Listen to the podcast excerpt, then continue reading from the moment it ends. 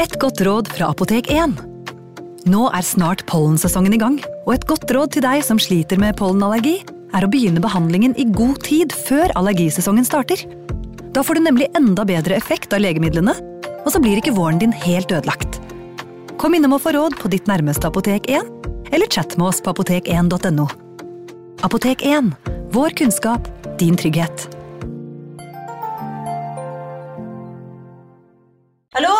Jeg kommer fra Oslo politikammer. Ine Jansen er purk. Er du purk? The motherfucking bitch. Alt jeg vil, er å finne ut hva som skjedde med mannen min. Jon Carew. Er jeg sikta for noe? Iben Akeli. Det er du. Ole So, Lars Berrum og Big Daddy Karsten. Hvem sin side er du på, egentlig? Anette Hoff, Tone Danielsen, Kommer du fra Afrika? Jørnis Josef, Nesten kløfta. Trond Espen Seim, Det er synd å si det, men det var feil mann som døde. Purk. Premiere tirsdag på TV2 Play.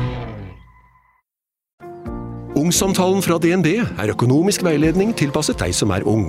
Bokk en ungsamtale på dnb.no. slash ung. Det er kjempebra hvis du skal inn på boligmarkedet, hvis det er drømmen din, liksom. Det er det du skulle sagt. Og så kunne du ropt litt mer, da, sånn som jeg gjorde. Bam!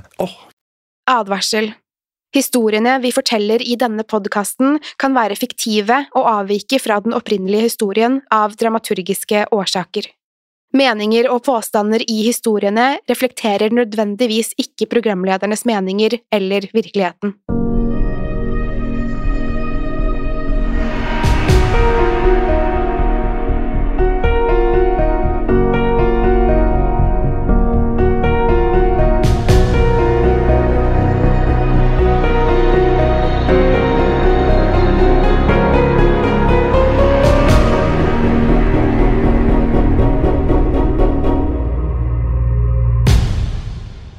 I denne episoden kommer vi til å fortelle en historie som er sendt inn av våre lyttere. Vi setter stor pris på at dere ønsker å dele deres historier med oss, enten det er selvopplevde hendelser, lokale vandrehistorier eller andre skumle fortellinger. Dersom det er flere der ute som har lyst til at vi skal lese deres historie i Skrekkpodden, er det bare å sende e-post til holddeskummelt at modernemedia.no. Vi leser alt dere sender inn, og prøver alltid å finne en plass til disse historiene i podkasten. Denne historien er sendt inn av Sara Felicia, som deler sine erfaringer fra gamle Lier sykehus.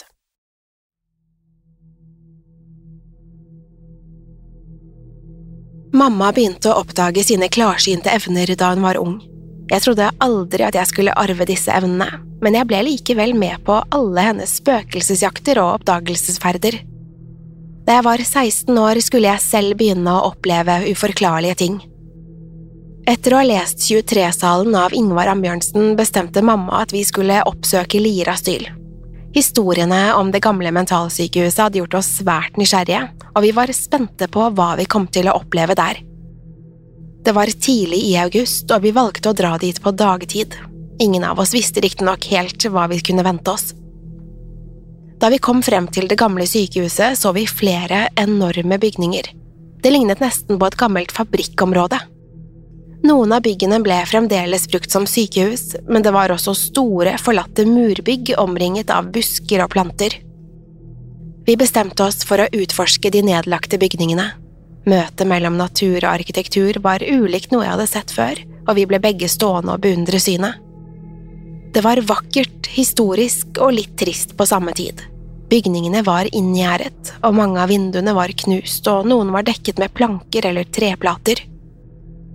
Mamma tok et bilde av meg foran den brune bygningen som var merket A. Det var litt mennesker i området, så vi prøvde å holde en lav profil for å ikke tiltrekke oss for mye oppmerksomhet. Vi visste at det ikke var lov til å ta seg inn i de nedlagte bygningene, så vi var nødt til å vente til kysten var klar. Det så ut som de fleste var turgåere eller folk som bare tok seg en røykepause. Vi ble stående og se på bildene vi tok av byggene. Det var fascinerende hvordan naturen sakte, men sikkert tok over bygningen. Plutselig frøs vi til. Det var nemlig en skikkelse i et av vinduene. Vi zoomet inn på bildet, og i det øverste vinduet til venstre sto det som lignet på en liten jente. Jeg ble med en gang litt redd og ville bare dra hjem igjen. Mamma derimot, som var vant til denne typen ting, hun fikk bare mer lyst til å snike seg inn i bygningen og prøve å finne rommet der den lille jenta hadde stått. Jeg nølte lenge, men til slutt bestemte jeg meg for å bli med. Jeg fortalte meg selv at det egentlig ikke var noe å være redd for, det var jo bare et bilde. Den mest logiske forklaringen var jo at det bare var en tilfeldig form som lignet på en jente. Da kysten var klar, snek vi oss gjennom en åpning i det høye gjerdet. Vi ignorerte adgang forbudt-skiltet, som også informerte om at bygningen var videoovervåket. Vi fant en ulåst dør og smatt inn. Vi håpet at ingen hadde sett oss, og at vi ikke kom til å bli arrestert. Så snart vi var der inne, ble alt uhyggelig stille. Mamma tok ledelsen og begynte å gå innover i bygget. For hvert steg vi tok, hørte jeg lyden av knust glass som knaste under føttene våre. Lyden var så høy at jeg skvatt til flere ganger. Det var en kald vind som slo mot oss og dro med seg alt det gamle støvet. Bygningen bar preg av at den hadde stått tom i flere år. Tapet og maling hadde begynt å flasse av og hang som lange remser nedover veggene. Jeg snudde meg flere ganger for å se om noen fulgte etter oss. Det føltes nemlig som at vi ikke var alene der inne. Samtidig kjente jeg en intens frykt for at vi ikke skulle komme oss ut igjen. Av en eller annen grunn var jeg sikker på at vi kom til å bli låst inne. Vi passerte flere rom og kikket inn i døråpningene. Kjøkkenet var utrustet med gamle skap og hvite varer som hadde blitt ødelagt av folk som hadde vært der før oss. Knuste tallerkener og kopper lå strødd utover gulvet sammen med ølbokser fra nyere tid. Etter hvert kom vi til et stort rom som kanskje hadde blitt brukt til sovesal eller stue. Det var tykke søyler midt i rommet og store vinduer på den ene siden. Også her holdt malingen på å prelle av. Andre steder var veggene dekket av graffiti og tagging. Innerst i salen sto det en rusten metallseng uten madrass, og ved siden av denne lå en gammel trestol.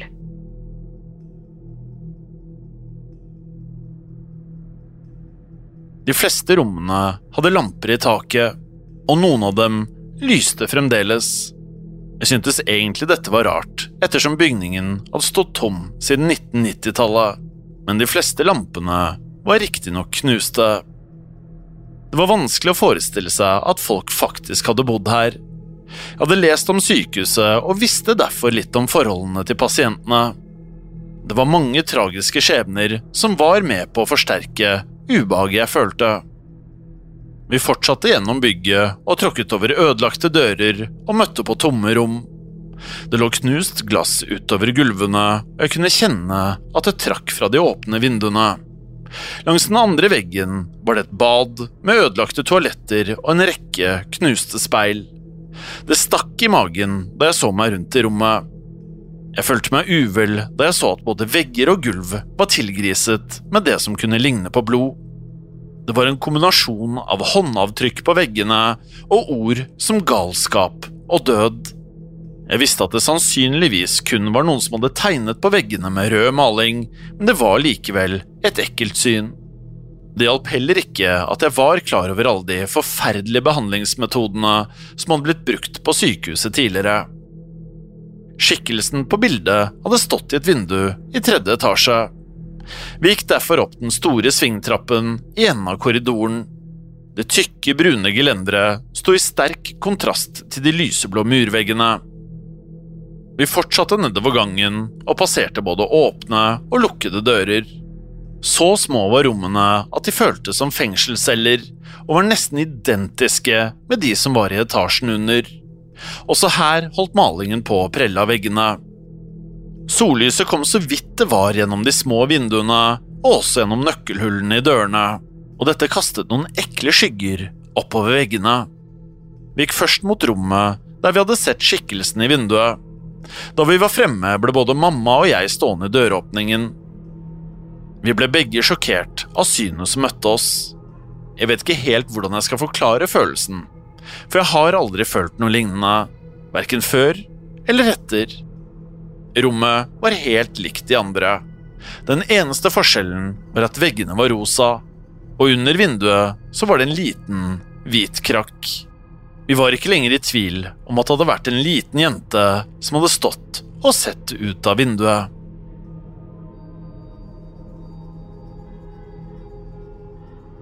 Jeg tok flere bilder før vi bestemte oss for å avslutte utforskningen. Vi lo litt av opplevelsen, og på hjemveien pratet vi om hvor merkelig det hadde vært. Vi hadde jo ikke opplevd noe direkte skremmende eller faretruende, men vi var likevel overbevist om at vi hadde sett noe overnaturlig. Vi var begge innstilt på å dra tilbake, men neste gang ville vi vente til etter solnedgang. Det var høst og begynte å bli kaldt da vi pakket sekkene med lommelykter og noe av mammas spesialutstyr.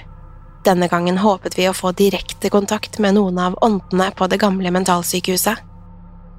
Klokken var over ti på kvelden, og på veien følte vi oss egentlig ganske selvsikre. Vi kjørte sakte forbi bygningene som fremdeles var i bruk, og passet på å ikke tiltrekke oss for mye oppmerksomhet. Vi satte fra oss bilen på parkeringsplassen og hentet ut sekkene fra bagasjerommet. Deretter gikk vi mot de tomme bygningene i skogkanten. Ettersom vi allerede hadde utforsket bygning A, bestemte vi oss for å gå rett til det største bygget. Av en eller annen grunn hadde dette gitt oss en ekkel følelse. En mørk, tung himmel lå bak den herskapelige, mintgrønne bygningen. Det så nesten ut som et slott. Hadde det ikke vært for den onde energien som lå igjen, kunne det kanskje ha vært et vakkert sted. Vi snek oss gjennom gjerdet, men før vi gikk inn i bygningen, ville mamma filme i kjellervinduet. Hun håpet fremdeles å fange noen ånder på film. Mamma holdt på med dette en stund, mens jeg ble stående på samme sted. Jeg var nemlig livredd for å miste henne av syne. Det var så mørkt at jeg ikke kunne se noe uten lommelykten. Jeg tenkte at det var en dårlig idé å vandre rundt i mørket. Det lå mange ting på bakken, så sannsynligheten for å snuble var ganske stor. Jeg hørte flere merkelige lyder mens jeg ventet på at mamma skulle gjøre seg ferdig. Jeg prøvde å late som ingenting og fortalte meg selv at det bare var et dyr.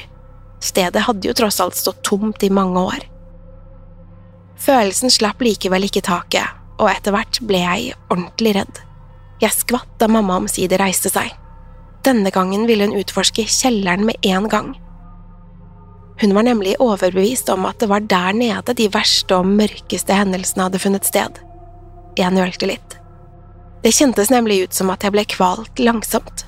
Jeg hadde ikke lyst til å gå ned i den mørke kjelleren, men jeg ville heller ikke stå der ute alene, så jeg listet meg etter mamma. Hele tiden med følelsen av at noen fulgte etter eller holdt øye med meg. Det var tung luft nede i kjelleren og nesten helt mørkt. Vi klarte likevel å skimte en liten, tykk dør under trappen. Det var ikke noe synlig dørhåndtak eller lås, men det var små luftehull i treverket. Mamma krøp litt nærmere og oppdaget at døren allerede sto på gløtt. Hun skjøv den opp og lyste inn i mørket. Innenfor døren var det et lite rom. Plutselig hørte jeg at mamma gispet høyt. Jeg skvatt til og spurte hva som foregikk. Mamma lyste på innsiden av døren, og nå skjønte jeg også hvorfor hun hadde reagert. Hele døren var nemlig dekket av dype, mørke kloremerker.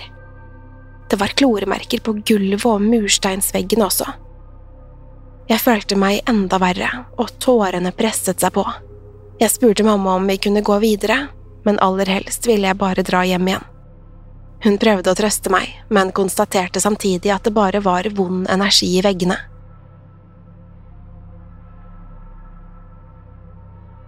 Mamma ga meg en klem mens vi diskuterte hvilken vei vi skulle gå. Men før vi rakk å bli enige, hørte vi tunge skritt over oss. Hørte du det? hvisket mamma. Jeg nikket og følte samtidig at hårene reiste seg i nakken min. Lyden av skrittene ble stadig sterkere, og snart hørtes det ut som en hel flokk med mennesker over oss. Det føltes nesten som om noen prøvde å skremme oss bort.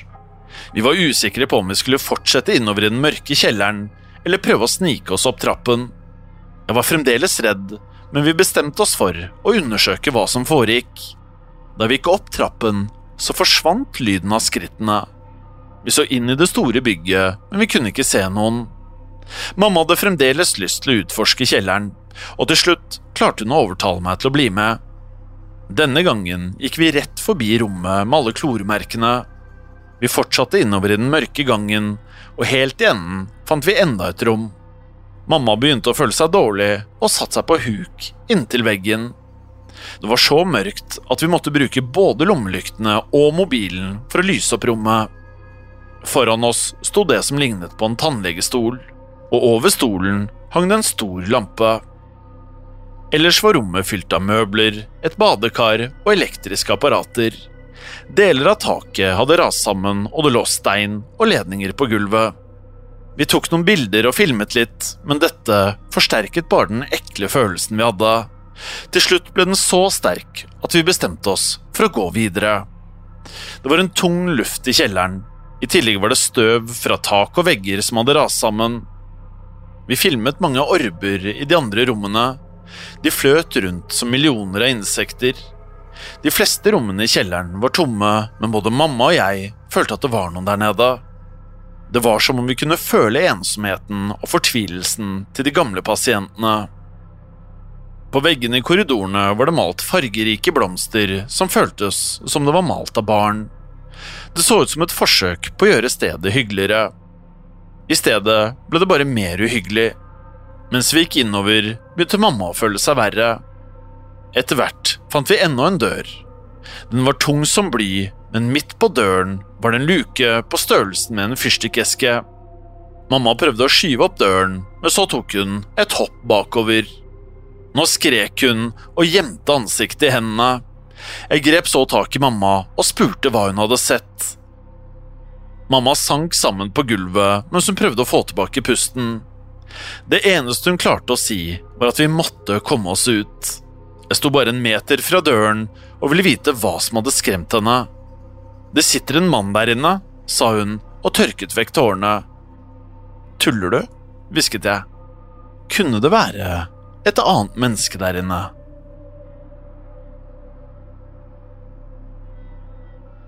Nå ble jeg ordentlig redd, og jeg begynte å trippe utålmodig. Tenk om det var en gal morder som ville teste ut metodene sine på oss. Kommer du? Hvisket jeg til mamma og begynte å liste meg tilbake. Du må se om det er noen der inne, svarte mamma. Kanskje han trenger hjelp, vi kan ikke bare gå. Det gikk kaldt nedover ryggen min. Hun kunne ikke mene at jeg skulle stikke hodet inn i døråpningen.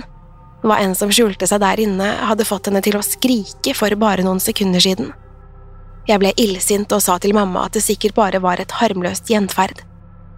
Hun hadde jo sett spøkelser tidligere, så jeg forsto ikke hvorfor dette hadde påvirket henne så mye. Mamma ga seg ikke, og til slutt gikk jeg med på å titte inn i rommet. Jeg gikk mot døren, mens mamma karret seg på bena. Døren var iskald og ufattelig tung.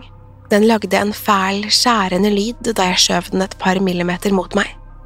Livredd for hva jeg kom til å se, lyste jeg inn i døråpningen med lommelykten. Jeg håpet at lyset kanskje ville skremme vekk det som skjulte seg der inne. Deretter lente jeg meg nærmere og kikket inn i dørsprekken. Det var et lite rom som neppe var mer enn et par kvadratmeter. Det var ingen vinduer og så nesten ut som et lite kott. Luken i døren var antageligvis for å servere mat, så jeg antok at rommet hadde blitt brukt som en form for isolat. Det var forferdelig å tenke på at noen ble behandlet på denne måten. Jeg pustet lettet ut, men kjente at jeg fremdeles skalv da jeg konstaterte at det ikke var noen der inne. Du har nok rett, sa mamma. Vi begynte å gå sakte tilbake mot trappene. For meg var det en enorm lettelse at vi endelig begynte å bevege oss mot utgangen. Men på tilbakeveien passerte vi enda en liten korridor. Mamma måtte selvfølgelig stoppe og lurte på om vi hadde utforsket hele kjelleren. Kom da, sa jeg, nå var jeg både utålmodig og redd. Jeg skal bare ta en rask titt, sa mamma, og før vi visste ordet av det, begynte hun å gå innover korridoren. Jeg prøvde å protestere og ble oppgitt over hvor sta hun kunne være. Det var etter midnatt, og hendene mine var iskalde. Nå ville jeg bare hjem og legge meg. Lyset fra lommelykten til moren min forsvant lenger og lenger inn i gangen. Etter en liten stund kunne jeg ikke se henne i det hele tatt. Jeg var likevel ikke så redd lenger. Nå var jeg heller oppgitt, lei og sliten. Hvorfor brukte hun så lang tid?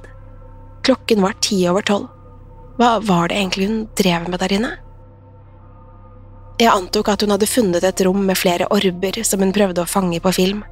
Eller kanskje hun bare tok bilder for å dokumentere de gamle medisinske apparatene og redskapene? Jeg satte meg ned på huk og oppdaget samtidig at det lå papirer strødd utover hele gulvet. Jeg hadde vært for distrahert av alt som skjedde rundt meg til å legge merke til at det lå gamle mapper og papirer overalt. Det var journaler med navn på pasientene og hva de led av. Jeg syntes dette var litt spennende, men det var samtidig ufattelig at dette lå strødd utover gulvet som søppel. Mange av pasientene hadde lidd under umenneskelige forhold, og nå ble de hånet på denne måten. Papirene var datostemplet, og jeg trengte derfor ikke å gjette når de var fra. Mange av dem var fra helt tilbake til 50-tallet. Plutselig slo det meg hvor lenge mamma hadde vært borte. Jeg så på klokken og innså at det hadde gått over en halvtime. Jeg reiste meg igjen og pekte lommelykten innover gangen. Mamma! hvisket jeg inn i mørket.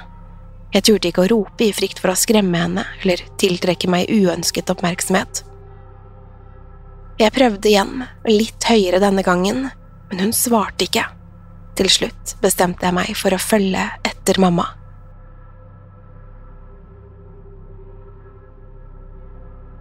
Jeg hadde glemt å bytte batteriene på lommelykten, men jeg hadde fremdeles mobilen.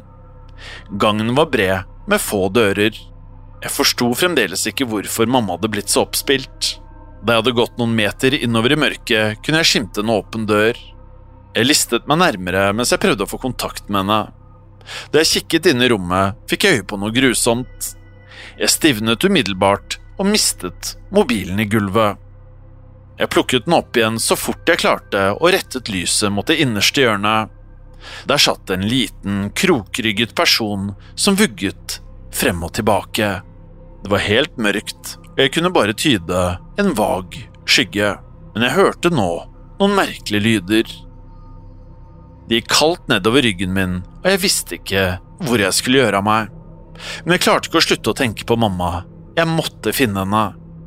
Rommet med den mørke skikkelsen var ikke spesielt stort.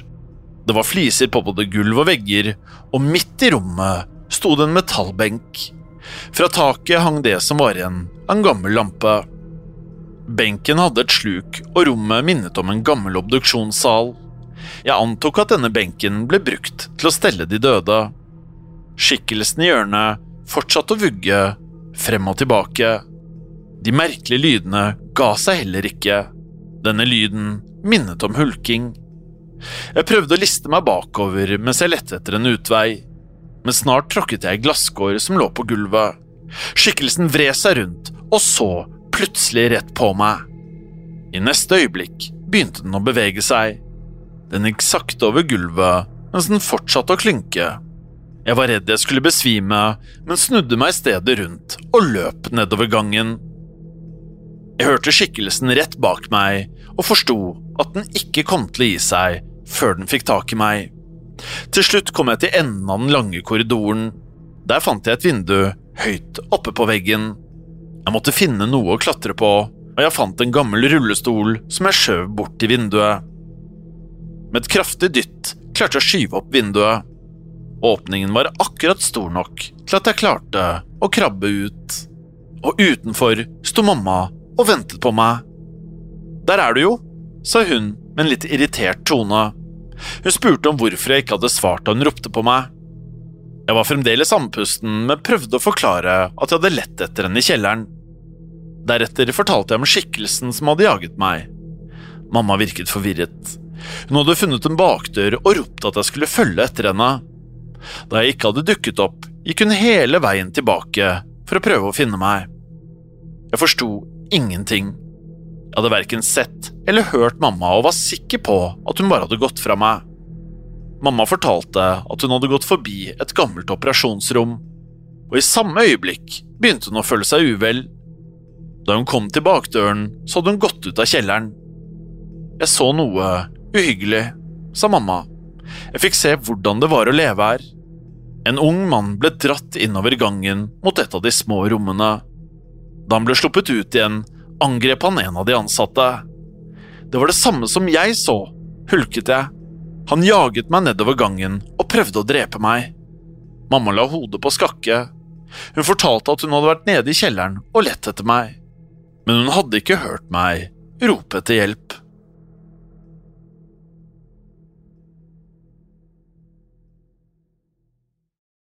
Tusen takk igjen til Sara Felicia som har delt denne skumle og spennende historien fra gamle Lier sykehus. Dersom du ønsker å sende inn en historie til Skrekkpodden, setter vi utrolig stor pris på det.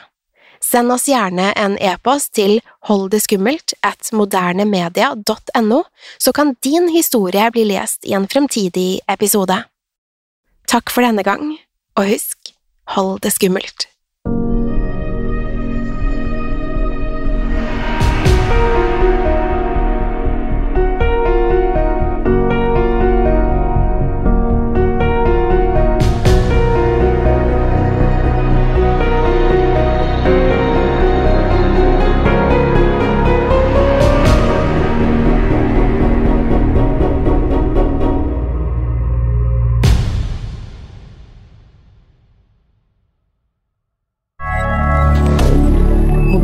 Media.